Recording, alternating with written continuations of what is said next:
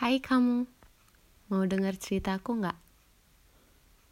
Ini tentang seorang teman baik yang selalu datang dan juga selalu ada sebenarnya. Tapi hanya ketika keadaan terasa mengecewakan. Dan karena keadaan tersebut tidak sesuai dengan gambaran pikiranku. Benar, namanya sedih. Kadang aku merasa kasihan.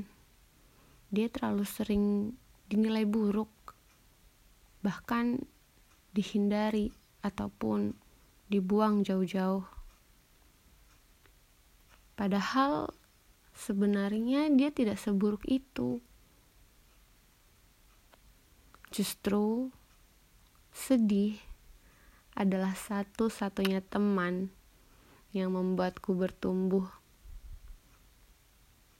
pernah berpikir nggak kalau dia itu sebenarnya pengingat ya sebagai alarm untuk memberitahu untuk nge-warning kita kalau sesuatu hal itu adalah hal yang tepat untuk kita belajar hal yang baru. Itu semua karena sedih loh ya walaupun dia yang membuat air mata kita menetes.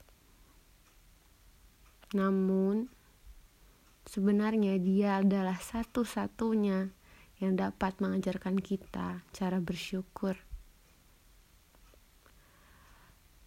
Semua hal yang baik bahkan semua hal yang buruk yang telah kita lewati itu semua rasanya akan biasa aja kalau kita nggak bersedih. Pernah sadar gak sih, sedih itu sebenarnya merupakan salah satu hal, salah satu teman baik yang bisa membuat kita lebih berwarna. Coba kalau nggak ada sedih, belum tentu kita akan mengalami kecewa. Atau enggak, kecewa memang ada, tapi kita nggak ngerasa sedih. Kita hanya ngerasa kecewa tanpa kita merasa sedih. Aneh gak sih? Semua itu butuh kesedihan. Kita semua butuh untuk menjatuhkan air mata. Supaya apa? Ya supaya kita bisa bangkit. Supaya kita tahu gimana rasanya orang jatuh. Gimana rasanya kita ada di titik rendah.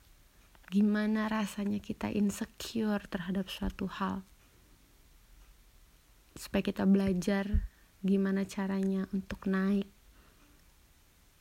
dan bukan turun. Gimana caranya untuk menjadi yang di depan dan bukan yang di belakang. Terima kasih sedih.